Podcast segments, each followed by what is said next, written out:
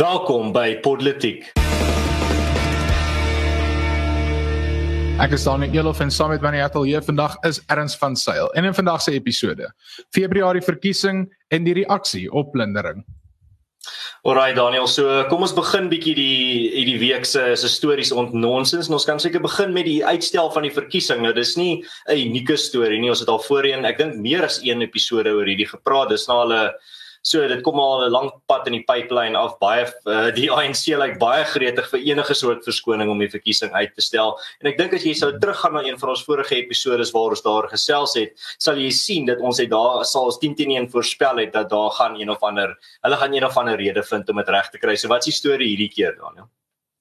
Ja, wel uh, ons het ons weet dat so 'n paar nou so 'n paar maande terug toe het die onafhanklike verkiesingskommissie vir oud uh, adjunkregter van die van die grondwetlike hof Dingang Moseneki gevra dat hy 'n uh, komitee of 'n uh, span lei dat hulle kyk oor die ehm um, die die hele vraag oor moet ons 'n plaaslike regerings uh, of 'n munisipale regerings verkiesing hou aan die einde van hierdie jaar. Dit moes in Augustus gebeur het.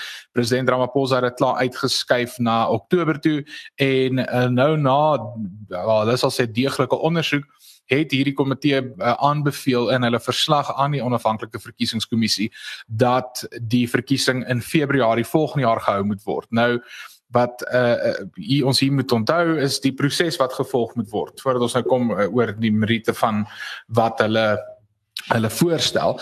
Uh, as as die onafhanklike verkiesingskommissie hierdie verkiesing wil uitstel, dan gaan hulle die uh, wat ons noem die verkiesingshof moet nader. Hulle gaan vir die verkiesingshof moet vra wel stel dit uit na Februarie toe en hulle gaan geldige grond en goeie redes moet gee oor hoekom dit uitgestel moet word. Uh, dit in die eerste plek en in die tweede plek hulle gaan 'n grondwetlike brug hier moet oorkom want daar's 'n baie sterk argument om te maak dat dis ongrondwetlik om die verkiesing uit te stel want die grondwet sê jy moet binne 'n 3 maande tydperk van 'n bepaalde datum hierdie verkiesing hou. So dis hierdie verdere bruggie wat wat oor oorgekom moet word. En dan natuurlik ehm um, as hulle deur hierdie proses gegaan het en die verkiesingshof keer dit wel goed, mag dit dalk 'n grondwetlike hof hofsaak wees. En eh, so dis 'n hele 'n hele string goed wat moet gebeur en aan die einde van daai proses dan uiteindelik gaan die minister van samewerkende regering 'n uh, 'n 'n kennisgewing moet promulgeer en uitreik wat sê goed die verkiesing word op hierdie spesifieke datum op die einde dan nou gehou. So dis dis 'n dis 'n lang storie, is 'n lang proses wat wat gaan moet gebeur. Maar uh, dis dis redelik belangrik want ons moet onthou vir die ANC is hierdie net 'n wen uit 'n politieke oogpunt. Vergeet nou van die feit dat dit deur die onafhanklike verkiesingskommissie is wat die voorstel gemaak het, ehm um, dat dit 'n uh, onafhanklike paneel is wat die voorstel gemaak het. Die punt is die ANC, dis in die ANC se belang om nie die verkiesing in Augustus of Oktober te hou nie. Dit is definitief in hulle belang om dit volgende jaar te hou. Ehm um, die die, die mense gee is kort en hoe verder weg hulle van hierdie pandemie af kan kom, hoe verder weg hulle kan kom van al die rampspoedige gevolge wat die regering veroorsaak het ja. in hulle reaksie op die pandemie, hoe beter vir hulle. So dit in die eerste plek.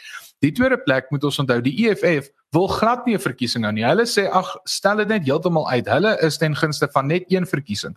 Hulle sê, hoekom moet ons twee verkiesings hê elke 5 jaar eh, 'n uh, munisipale verkiesing en dan is ons nou 2 jaar na die munisipale verkiesing is daar 'n nasionale verkiesing. En hulle sê gooi dit alles in een laat mense net een keer stem dat dan net een geleentheid is en en die rede vir dit is baie spesifiek is die EFF is baie sleg in munisipale verkiesings. Hulle doen nie goed in munisipale verkiesings nie want die punt is mense vertrou nie die EFF om eintlik te re te regeer nie. Ehm um, die munisipale verkiesings is die een geleentheid waar ons sien dat kleiner partye die geleentheid kry om wel te regeer. So uh, daar's baie politieke druk van klomp partye amper almal behalwe wel die die EFF en die ANC is ten gunste hiervan van die kleiner partye ondersteun dit ook. Maar ons maar 'n handjievol partye wat eintlik sê weet jy wat? Hierdie is nie 'n goeie idee nie. Almal anders in die wêreld het wel nog steeds verkiesings deur hierdie pandemie gehou. Suid-Afrika kan beslis ook. Hmm. Ja Daniel, ek dink wat ons ook hierso sien is definitief die ANC wat uh, beslis probeer wegkom van net hierdie absolute tsunami van mislukking wat nou besig is om met loop te vang. En mens moet dalk die vraag vra, as hulle dit nou uitstel tot volgende jaar Februarie, kom ons sê hulle kry dit suksesvol reg, gaan hulle nie dan nog steeds in 'n moeilike posisie wees en dan sê maar wat eh, kom ons stel dit weer uit nie, nog net 'n een maandjie kan nie seer maak nie. Ehm um, en dan op die ouens uh, sê dit 'n president van dat hulle enige jaar waar hulle bietjie sukkel uh, in terme van ondersteuning waar daar klomp rampe is, men waar uh, daar slegte statistiek uitgekom het in terme van die ekonomie of werkloosheid, dan gaan hulle altyd dit probeer uitstel met een of ander een of ander verskoning. En dit gaan altyd begin met die sterkste verskoning wat daar is wat nou hierdie jaar 10 teen 1 die die pandemie gaan wees. Maar met die volgende keer wat hulle gaan as hulle nou eers die president geskep het van dat ons kan verkiesings so uitstel, by die volgende keer gaan hulle iets bietjie 'n uh, bietjie 'n swakker rede gebruik en dan op die einde kom jy by 'n punt waar jy eintlik maar net uh, 'n verkiesing kan uitstel vir enige rede. Nou dis vir my vreemd dat die EFF glad nie 'n verkiesing wil hou nie. Ek hoor wat jy sê in terme van dat hulle doen nie baie goed in uh, tussenverkiesings nie. Maar terselfdertyd, ek dink as hulle sou voorstel en ek, ek gee 'n bietjie advies aan die EFF as hulle sou voorstel dat die eh, die verkiesing uh, in die kuberruim gedoen word in terme van mense wat maar net dat die webtuise toe gaan en stem, dink ek kan hulle nogal baie meer steun kry as wat hulle sou en meeste van hulle ondersteuning is op sosiale media. Daar kan die skakel rondgestuur word en sê al wat jy hoef te doen is na hierdie webtuise toe gaan en te te stem. Ehm um, en ek dink dit kan nogal vir hulle 'n hupstoot gee as dit sou uh, in die kuberruim uh, gebeur. Nou in terme van die ANC en hulle kanse uh, by die by die verkiesing wat opkom, daar's baie goed wat nou hierdie jaar gebeur het wat definitief nie in hulle gun stel nie. Die eerste ding is definitief die die werkloosheid en ekonomiese statistieke wat uh, al hoe uh, al hoe al hoe slegter lyk like in terme van hulle rekord. En dan tweedens definitief die onluste wat nou gebeur het. Nou ons weet klaar in Suid-Afrika is en nie net in Suid-Afrika nie, in meeste lande lande in die wêreld af as dit nie alle lande is nie. Het die uh die stembasis se geheue is maar baie kort. Dit is so 'n paar maande. Ek dink na so 'n paar maande vergeet mense van 'n groot kwessie en dan beweeg hulle aan na die volgende ene toe. Veral in die in die internet era waar jy nou so gebombardeer word met inligting. Jy het nog al 'n 'n uh, aanhaling ge, geplaas op Twitter uh, ek dink laasweek oor oor daai hele tema van die die gebombardeer hoe die gewone persoon gebombardeer word met inligting en dan op die ou end minder ingelig is weens hierdie uh, uh, net hierdie absolute storm van wat hy moet deur deurvaar. So in terme van die ANC wat die wat die verkiesing wil uitstel, ek dink hulle is baie bewus van wat rondom hulle aangaan. Ek dink hulle hulle kom agter daai daai die wind is besig om in 'n ander rigting te waai en hulle probeer dit nou maar net uitstel soveel as wat hulle kan. Hulle hoop nou maar dat miskien nader aan die einde van die jaar soos die wêreld se ekonomie weer begin oopmaak, al hoe meer uh, gaan Suid-Afrika se ekonomie ook weer begin herstel en 'n hupstoot kry en hulle kan dan daai golf uh, 10 teen 1 ry teen Februarie volgende jaar. Ja, die die die probleem is en ek sien van ons luisteraars merk dit ook op is as jy eers begin wegkaal wie aan dan word dit normaal. Ek bedoel as jy in 2019 gesê het die regering gaan jou verbied om op 'n strand te wees weens een of ander siekte, hulle gaan vir jou sê wat se uh watter tye mag jy buite op straat wees, hoeveel mense mag by jou kerk bymekaar kom, sou jy gesê dit is absoluut ehm um, dit dis dis is onsinnig dit sal nie gebeur nie. Ek wil ons bly ten minste nog in 'n demokrasie maar tog hier sit ons in 2021 en dis presies die geval. En dieselfde risiko geld met hierdie hele gesprek oor die verkiesing uh, as ons nou sê ag dit sal nooit gebeur dat ons nie 'n verkiesing gaan hou nie. Hulle stel dit maar net 'n paar uit 'n paar paar maande uit. Is die probleem is jy, jy's besig om weg te torring aan 'n hele konstitusionele bestel. Jy's besig om weg te torring hmm. aan uh, daai demokratiese weefsel van 'n land. En uh, as as jy eers begin daai los met daai losstorm begin, dan is dit baie moeilik om dit weer bymekaar te bring. Dis baie moeilik om dit weer te hervestig.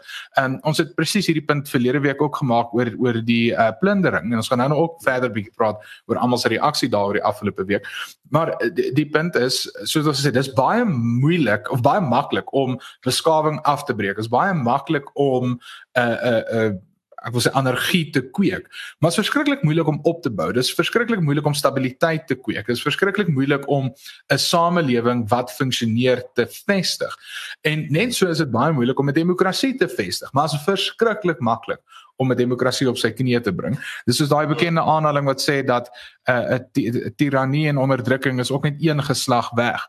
En en is baie waar. Ons moet dit besef want dis deel dis deel van die mens se natuur. Hierdie is nie natuurlik nie.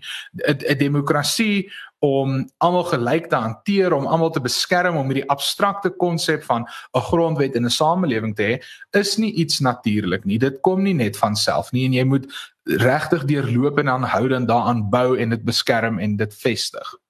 Hmm. En uh, as hulle dit nou hierdie keer uitstel weens die pandemie, uh, dan volg met die volgende verkiesing as mense se geheue nou 'n bietjie vervaag het, dan sê hulle ons het dit uitgestel weens die staat die ehm um, uh die die noodtoestand, nie weens die pandemie nie en dan moet hulle al wat hulle dan nodig het is 'n paar uh, is net weer een of ander verskoning om 'n noodtoestand te verklaar en dan kan hulle enige uh enige verkiesing uitstel wat hulle wil.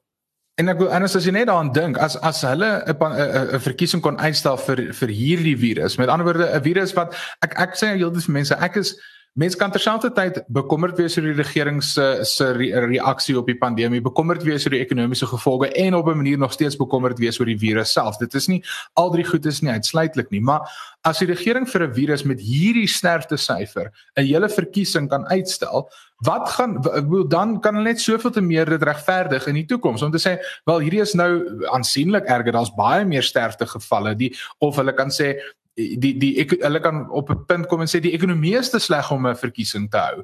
Ehm um, ja. en en derhalwe is daar rede om om dit uit te stel. So dis wat ek bedoel met die losstorring. Die, jy jy skep 'n geleentheid, jy skep 'n skuiwergat wat regtig nie uh, daar behoort te wees nie. Mm. En uh, nou gepraat van 'n van 'n noodtoestand gedurende hierdie noodtoestand wat nou uh, verby is, of gedurende die onluste wat ons hier in Suid-Afrika gesien het, is daar 'n manier om jou geld veilig te hou en dit is deur Bitcoin. En uh, vandag se episode word dus trots geborg deur Bitwise. Uh Bitwise is 'n online Bitcoin platform en die enigste platform in Suid-Afrika wat vir jou volle eienaarskap en eie bewaring oor jou kriptogeld gee. Om deur Bitwise jou Bitcoin te koop is die veiligste opsie en is teen volle staatsbestand. So word jy so word jy beskerm teen die regering se pogings om die geldeenheid te reguleer.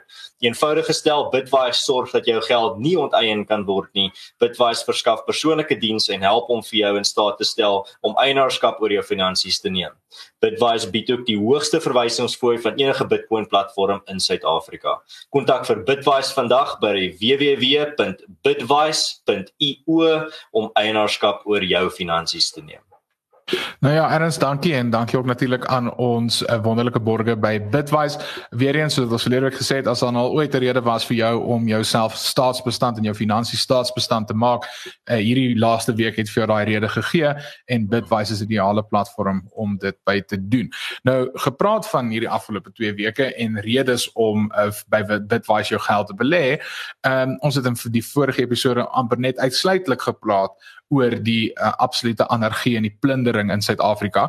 En in hierdie tweede onderwerp vir vandag se bespreking fokus ons bietjie meer op die reaksie uh op hierdie plundering. Ek bedoel terwyl ons in dit was het ons baie gepraat oor die plundering self en wat gemeenskappe doen en en dat dit eintlik bietjie bemoedigend was om te sien hoe gemeenskappe hande gevat het. Maar Uh soos wat dit nou maar in Suid-Afrika al amper gewoonte geraak het, is die die media se reaksie op die plundering iets om te bespreek en dan natuurlik die regering se reaksie of ek moet eintlik sê reaksies, want dis deel van die absolute humor van hierdie hele situasie. Is die regering kan ook nie eens presies saamstem oor wat hulle dink oor die plundering in Suid-Afrika die afgelope 2 weke nie.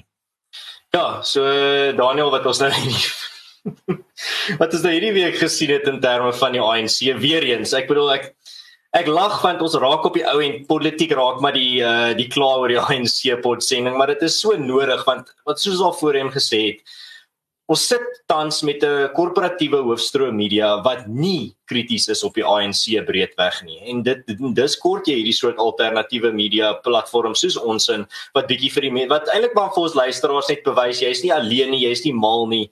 Ehm um, jy's nie besig om in 'n 'n een of ander bizarre uh wêreld te leef in terme van net jy sien wat aangaan nie die die keiser dra nie klere nie en uh, ons is definitief hier om saam met jou te staan in daardie standpunt. So hierdie week het ons nou gehoor, ek kan nie onthou wat eerste gekom het nie. Ek dink eerste was die president Cyril Ramaphosa wat uh die die onluste laasweek genoem het 'n uh, 'n poging tot 'n uh, staatsgreep wat misluk het. En toe kom die minister van verdediging uit en sê dat daar was geen uh poging tot 'n staatsgreep nie. Uh dis uh maar nou weer hierdie week het ek vanoggend op die radio gehoor, het sy nou weer gesê uh nee, uh daar was uh 10 teen 'n poging tot 'n staatsgreep. Uh maar uh sy haar bedoeling met haar vorige aanhaling was nie om die president te weerspreek nie. So dit het baie vir my geklink in haar in terme van net luister hoe sy praat na een van daai ISIS video's waar een van hulle um ouens wat hulle wat hulle gevangene hou moet sê hoe sleg Amerika is. Nou in terme van uh, wat gebeur het laasweek, ek is in die kamp van ek dink nie dit was 'n staatsgreep nie. Ek dink 'n staatsgreep is iets baie spesifiek. Jy moet gaan kyk in terme van die geskiedenis daarvan waar dit al suksesvol gebeur het en waar dit misluk het. Uh, in terme van wat in Suid-Afrika gebeur het, was dit wyd verspreide onluste. En of dit nou die die Zuma faksie is wat agter dit alles sit, uh, dit is ook 'n ander groot debat. Vir my is dit ek dink daar's 'n Olimpiese swembad vol petrol waarop 'n vuurhoutjie gegooi is. Daai vuurhoutjie was nou dalk die Zuma faksie en en wat in die die uh, uh onluste wat hulle aangestook het, maar op ou en daai die ANC self het daai swembad vol petrol gemaak. So vir my in terme van die groter prentjie wat ek hierso sien is dit is die tydbom wat ontplof het wat soveel analiste na oor gewaarsku het vir meer as 'n halwe dekade um, in terme van as jy kyk na die die werkloosheidssyfers van Suid-Afrika, as jy kyk na die die jeug se werkloosheidssyfers in Suid-Afrika, as jy kyk na die korrupsie uh onder die ANC. As jy kyk na hulle absolute wanbesteding, as jy kyk na die verval van die dorpe, as jy kyk na die verval van die uh die innerlike stede, dan is dit glad nie verbasend om te sien uh onluste uh op hierdie skaal nie. So soos ek wat ek gesê het in terme van 'n etjie prentjie sien, ek dink nie ek dink nie Jacob Zuma en sy trawante is hierdie groot poppemeesters wat agter die skerm sit en alles net rondom ons uh uh die toutjies van trek nie. Ek dink hulle het 'n rol gespeel in terme van om die onderste aan die gang te kry, maar ek dink dit het baie lankal nie meer geraak oor uh oor Zuma nie, soos ek en jy laasweek bespreek het. Maar in terme van 'n staatsgreep Miskien net 'n laaste gedagte daar. Dit speel perfek in die ANC se hande in hierdie narratief van 'n staatsgreep en hoe oor hoe hulle nou hierdie onluste tot hulle eie nut kan gebruik. Nou die ANC is dan hulle is nie goed en baie goed nie, maar hulle is baie goed daarin om 'n krisis te benut. En ek dink wat hulle hier doen is as hulle vir genoeg mense kan oorreed dat dit is 'n dit was 'n sta 'n mislukte staatsgreep beteken dit 'n mislukte staatsgreep impliseer dat iemand het dit laat misluk of iemand het dit gestop. En hulle gaan hulle self verf as hierdie helde wat dit nou gestop het. Jy het dit nou gesien hierdie week en waar einde laasweek toe uh die die Suid-Afrikaanse weermag nou in uh, KwaZulu-Natal ingery het en in die stede ingery het met rooi katte. Um wat nie uh wat eerstens nie uh bruikbaar reg is in 'n in 'n stedelike gebied nie maar of reg baie nuttig gaan wees nie maar dit dit dit lyk baie sterk en dit lyk baie vrees vrees aan Jan. So ek dink wat hier gebeur het is die onderste het die ANC onkant gevang. Hulle het hulle het gesien hoe die situasie sleg raak vir hulle. Hulle het gesien hoe die die wêreld bietjie hulle hulle wenkbroue oplig en toe kom hulle agter maar as ons dit kan raam as 'n 'n staatsgreep wat ons op die ou end verhoed het deur ons eie goeie beplanning en ons eie uh, eie mag en ons eie uh, inmenging uh, dan kan ons eintlik aan die ander kant uitkom uh, die beter die beter party en as die helde. En ek dink hulle gaan nou hierdie verskoning gebruik om nou al hoe meer drakoniese wetgewing te druk wat uh, in hulle woorde nou gaan wees om nou uh, so 'n staatsgreep in die toekoms te verhoed maar eintlik gaan dit maar net mag van die burgers af wegvat Ek Ernst, ek wil net by 'n punt aansluit wat jy vroeër genoem het dat dit speel absoluut in die ANC se hande in. Die die punt is as jy begin praat oor hierdie staatsgreep, dan skep dit die die idee dat daar's binne die ANC die goeie ANC en daar's die slegte ANC. Daar's die ANC van anargie en wat plunder en daar's die ANC wat probeer wet en orde handhaaf en hierdie plundering probeer voorkom het. En en en dis presies wat hulle wil hê. Hierdie is hierdie is eintlik maar net 'n 'n 'n hulle gebruik die geleentheid om die verdere faksionele stryde binne die ANC te voer. Uh, en en is dit nogals 'n maklike gerieflike een want jy kan net sê wel kyk dit dit het gebeur as gevolg van Jacob Zuma en dis is gevolg van sy kamp. Maar die punt is dit het niks met Jacob Zuma te doen te doen gehad nie. Al wat dit was is mense wat opportunisties was absoluut mense wat krimineel was en hulle het dit gebruik onder uh, die vaandel van uh, uh, Jacob Zuma wat tronk toe is maar het eintlik maar net die geleentheid op die ou ende gegryp maar die ANC of ten minste hierdie faksie binne die ANC kan dit nou gebruik uh om om te sê wel ons is besig om hierdie elemente uit te sorteer. En en dit sluit aan by my punt van ons episode 2 weke terug waar gesê het my grootste bekommernis met Jacob Zuma wat tronk toe gaan is dat mense dink ag goed dinge is nou uitgesorteer. Dis nou nie meer 'n probleem nie. Die feit dat Jacob Zuma agter tralies sit beteken ons het nou die slegte appels in die ANC verwyder. En dit is eenvoudig nie so nie. Dis wat die ANC wil hê mense moet dink maar dis ongelukkig nie die die realiteit nie. Uh, so so dis dis my grootste twispunt met met die hele narratief van van 'n staatsgreep. Ek wil mense kan oor die tegniese definisies praat. Mense kan uh, een van die snaakse tweets wat ek die laaste week gesien het, is iemand wat gesê het ja, die die groot staatsgreep by Makro. Ehm um, die punt is as jy 'n staatsgreep uitgeoefen het, dan teken jy van die die belangrikste van mag. Ja, die senters ja. van mag, nie nie makro om TV's te steel nie. Ehm um, so so dis dis dis 'n narratief wat binne die ANC gebruik word of 'n faksie binne die ANC dit gebruik om hulle 'n uh, eh, uh, verdere politieke speletjies op die einde eintlik net uh, te speel. Hmm. Ja, jy vra vir die eenvoudige vraag, watse magsgereedskap van die ANC uh die het die onluste was gedurende die onluste uh, oorgevat of was uh, aangeval in hierdie soort manier uh met die doel om 'n staatsgreep te te te bewerkstellig. Jy kan nie regtig enigiets noem nie. So in terme van die wat ons nou hierso sien is ongelukkig weer eens daar's daar's bietjie lig aan die einde van die tonnel maar daar's nog steeds baie donker. Nou eerstens die die bietjie lig wat ek sien is uh daar's party mense binne party joernaliste binne in die korporatiewe media wat nou begin om 'n uh, bietjie teen die ANC te draai. Ek het 'n uh, daar ek dink is 'n brief deur Adrian Bason snaaks genoeg wat laasweek uitgekom het waar hy nogal hard op die ANC was. En ek dink miskien het hy 'n bietjie wakker geskrik, miskien was die onluste bietjie die koue gevriesende water wat in sy gesig in sy gesig wat hy nodig gehad het. Maar terselfdertyd is daar ook bietjie donker. En daai donker is die feit dat daar's nog steeds baie binne in die Suid-Afrikaanse media wat nou hierdie net soos wat jy nou daar beskryf het, hierdie ramas Cyril het oorwin. Um ons is gered deur Cyril, die sondebok is verslaan. Ehm um, en uh, dit is absoluut nie die regte pad om te gaan nie. Jy val presies in die ANC se struik in. Ehm um, met wat hulle met die speletjie wat hulle speel. Hulle wil vir jou laat glo dat die die sondebok bok is nou verdryf en dit beteken dat die ANC is nou gereinig en gaan nou weer die regte reguit dun pad vorentoe volg.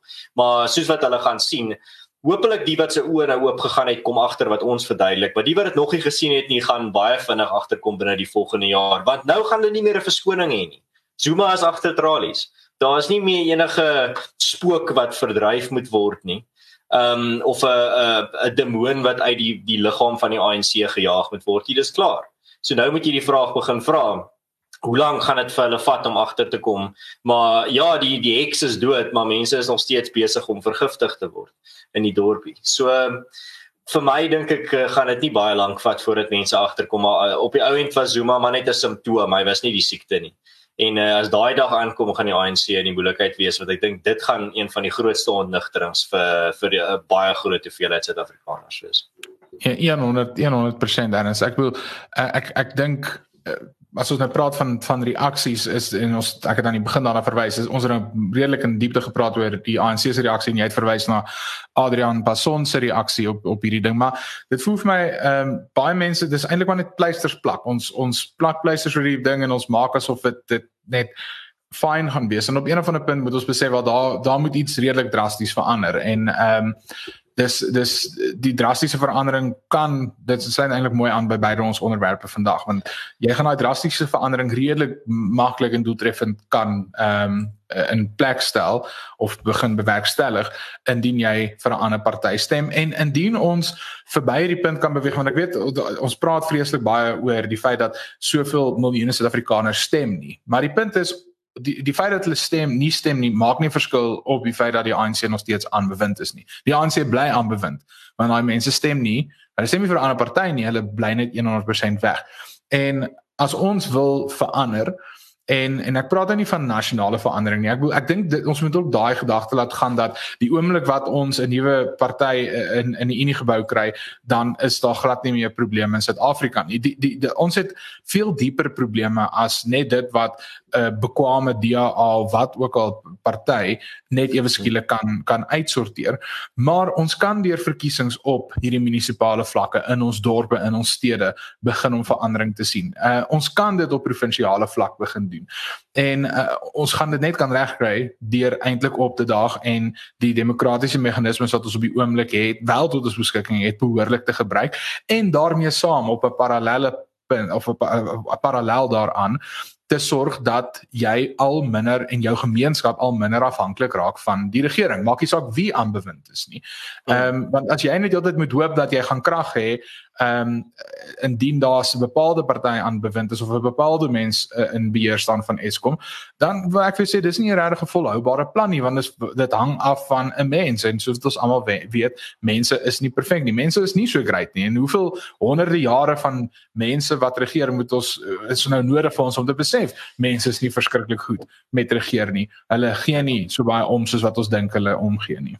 Ja, jy kan daai aanhaling in die beskrywing van die video sit. Mense is nie so great nie, Daniel Elof. Ehm um, dit is dit. Volgens my is dit dis 'n baie Christelike uitkyk. Dis dis mm, mm. mense is sondig, mense is gebroke en mm. wat ons moet doen is ons moet probeer om 'n samelewing eh, of 'n bestel te skep wat bewus is van van daai sondige mm. natuur van mm. mense wat bewus is van die feit dat mense nie great is en perfek is nie en iets om dit bou want as jy net heeltyd dink wel ons moet net wag vir die regte mens om daar te kom gaan jy dan die regte mens gaan nooit kom nie die regte mens gaan jou nooit mm. lei nie en jy gaan nooit dit bereik en en dis hoekom ek voel die die demokrasie of kom ek nie eens die demokrasie in die lande in die wêreld wat volgens my suksesvol is en uh, uh, uh, regtig ek wil sê 'n welvaart vir sy mense skep is die lande wat daai dit erken is die lande wat wat besef mense is nie so great nie en om dit meganismes en wette en gebruike en sosiale weefsel invoeg om daarmee te deel. En uh, as ons ons gaan dit in Suid-Afrika moet bereik. Ons gaan ons gaan op 'n punt moet kom waar ons besef ons gaan nie deur ek die soos ek sê, grondwet is een ding om daai om om dit te bereik. Maar dis meer as net dit. Jy kort 'n ingesteldheid, jy kort gemeenskappe wat dit besluit. Jy kort daai sosiale weefsel, jy kort instellings. Hoef nie staatsinstellings te wees nie. Enige instellings wat sterk is en wat ehm um, daai maatreëls en meganismes in plek sit om met die sondige natuur van die mens te werk. Dit gaan sorg dat ons 'n suksesvolle Suid-Afrika op die einde kry. Hmm. Ja, dan ek stem 100% met jou saam oor hierdie menslike natuur. Ehm um, ek dink nie ek sê altyd vir mense jy kan nie 'n perfekte kar bou met onperfekte parte nie. En uh en dit is nogal 'n vraag en sonder om uh Paul se filosofiese hoed aan te sit. Uh, hy is nou in sy afwesigheid sal ek maar die die filosofiese vraag vra of die filosofiese stelling maak. Ehm um, nog 'n interessante vraag wat jy vir mense kan vra in terme van om hulle politieke sienings en standpunte te voorspel voordat jy eers met hulle gesels. Is jy vra vir hulle is die mens uh is die mens volmaak of uh, is die mens inherënt goed of inherënt sleg? Ehm um, nou nie presies soos daai nie, maar in terme van is die mense 'n uh, gevalle wese of is die mense inherënt 'n goeie uh, wese? as hulle sê die mense is is 'n uh, gevalle wese, sal jy agterkom maar hulle ondersteun stelsels wat daarvoor opmaak en stelsels wat binne in daai raamwerk werk wat jy kan nie 'n perfekte stelsel bou nie. Dis moet jy baie realisties en pragmaties wees. As hulle vir jou sê nee die mense is volmaak en die mense is inherënt goed en sal altyd na die goed uh, die goed nastreef maak nie saak wie of wat hy is nie dan gaan hulle teen teen 'n utopiese denke uh, vir jou voorskryf en sê ons kan die perfekte samelewing bou, ons kan die perfekte staat bou, ons kan die perfekte ehm um, perfekte land bou. En dit is gewoonlik waar jy sal kry die die kommunistiese denke uh, en dan in die meer praktiese denke sal jy die ouens kry wat meer kyk na okay, hierdie is die realiteit waarmee ons sit. Wat kan ons prakties doen om soveel mense as moontlik se realiteit beter te maak binne ons gemeenskap? En die ding wat ek dink hier by hier by las is die feit dat soos wat jy nou daar genoem het. Laasweek het bewys dat uh, moenie wag vir 'n ridder op 'n wit perd nie. Maak nie saak, moenie net vra en wag vir die dat die solank as wat ons net die regte leier of die regte persoon in beheer van die Leviathan kry, dan sal alles fyn wees. Nee nee. In terme van wat ons in Suid-Afrika sien, is dat jy moet staatsbestand wees. As jy staatsbestand is, dan kan daar selfs 'n regte staatsgreep gebeur en jy sal nog steeds reg aan die ander kant uitkom. Want dit dan maak dit nie saak wie in beheer van die staat is nie, jy is staatbestand. So in terme van uh, die oplossing vir die toekoms, hou op groot dink, dink kleiner, uh dink uh lokaal, dink aan jou gemeenskap, dink aan wat jy kan doen om jou straat te beveilig, dink aan wat jy kan doen om by te dra aan uh, almal rondom jou se veiligheid. En dan so gaan dit 'n sneeubal effek hê van as elke klein gemeenskapie uh sy deel doen, gaan dit die groter prentjie baie beter laat lyk. En ek dink dit is um Uh, ek dink dit is op die ou en die die sentrale gedagte wat ek laasweek gekry het en wat meeste mense ook weggevat het van uh van laasweek af. En as ek bedoel, ek dink dis 'n wonderlike noot om hierdie episode op af te sluit. Ehm um, om dalk daarmee aan te sluit of net 'n laaste gedagte van my kant af. Dit dis hierdie hierdie idee wat jy al 'n hele paar keer op politiek genoem het is is ons moet ophou dink dat ons gaan die wêreld verander en ons moet begin om ons strate verander. Uh begin om jou huis netjies in orde te hou. Dit, dit sluit eintlik so 'n bietjie aan by wat Jordan Peterson se eerste boek ehm um, ge, gesê het as as jy begin op baie klein skaal dan het dit daai snowball effek. Ek het in 'n vorige episode verwys na die mense in ons straat wat net saam geld ingepoel het en toe hulle ehm um, sonpaneel straatligte opgesit. Hulle het die munisipaliteit se vervang, hulle het hulle eies opgesit. Ek dink nie eers hulle het vir die munisipaliteit toestemming gevra om te doen nie want die munisipaliteit die is so disfunksioneel in elk geval dat hulle gaan nie agterkom dat hulle straatligte uh vervang is nie. Wat hulle wel gaan agterkom is hulle gaan wonder hy hoekom werk die lig. Ehm um, maar maar dis die die punt is begin op daai vlak. Begin by jou straat, begin by jou huis, begin by jou kerk, begin by jou vriendekring.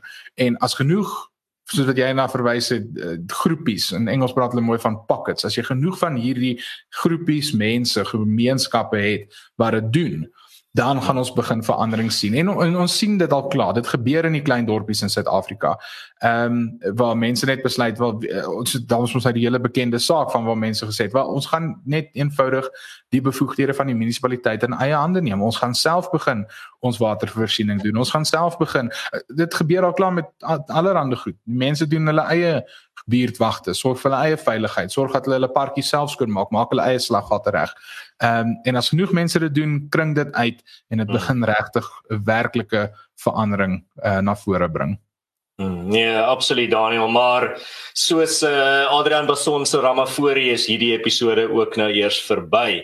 As jy hou van wat ons doen hier op Politiek, klik op subscribe, uh die knoppie net hier onder die uh, die die video en klik ook op die klokkie om te weet wanneer ons uh regstreeks gaan.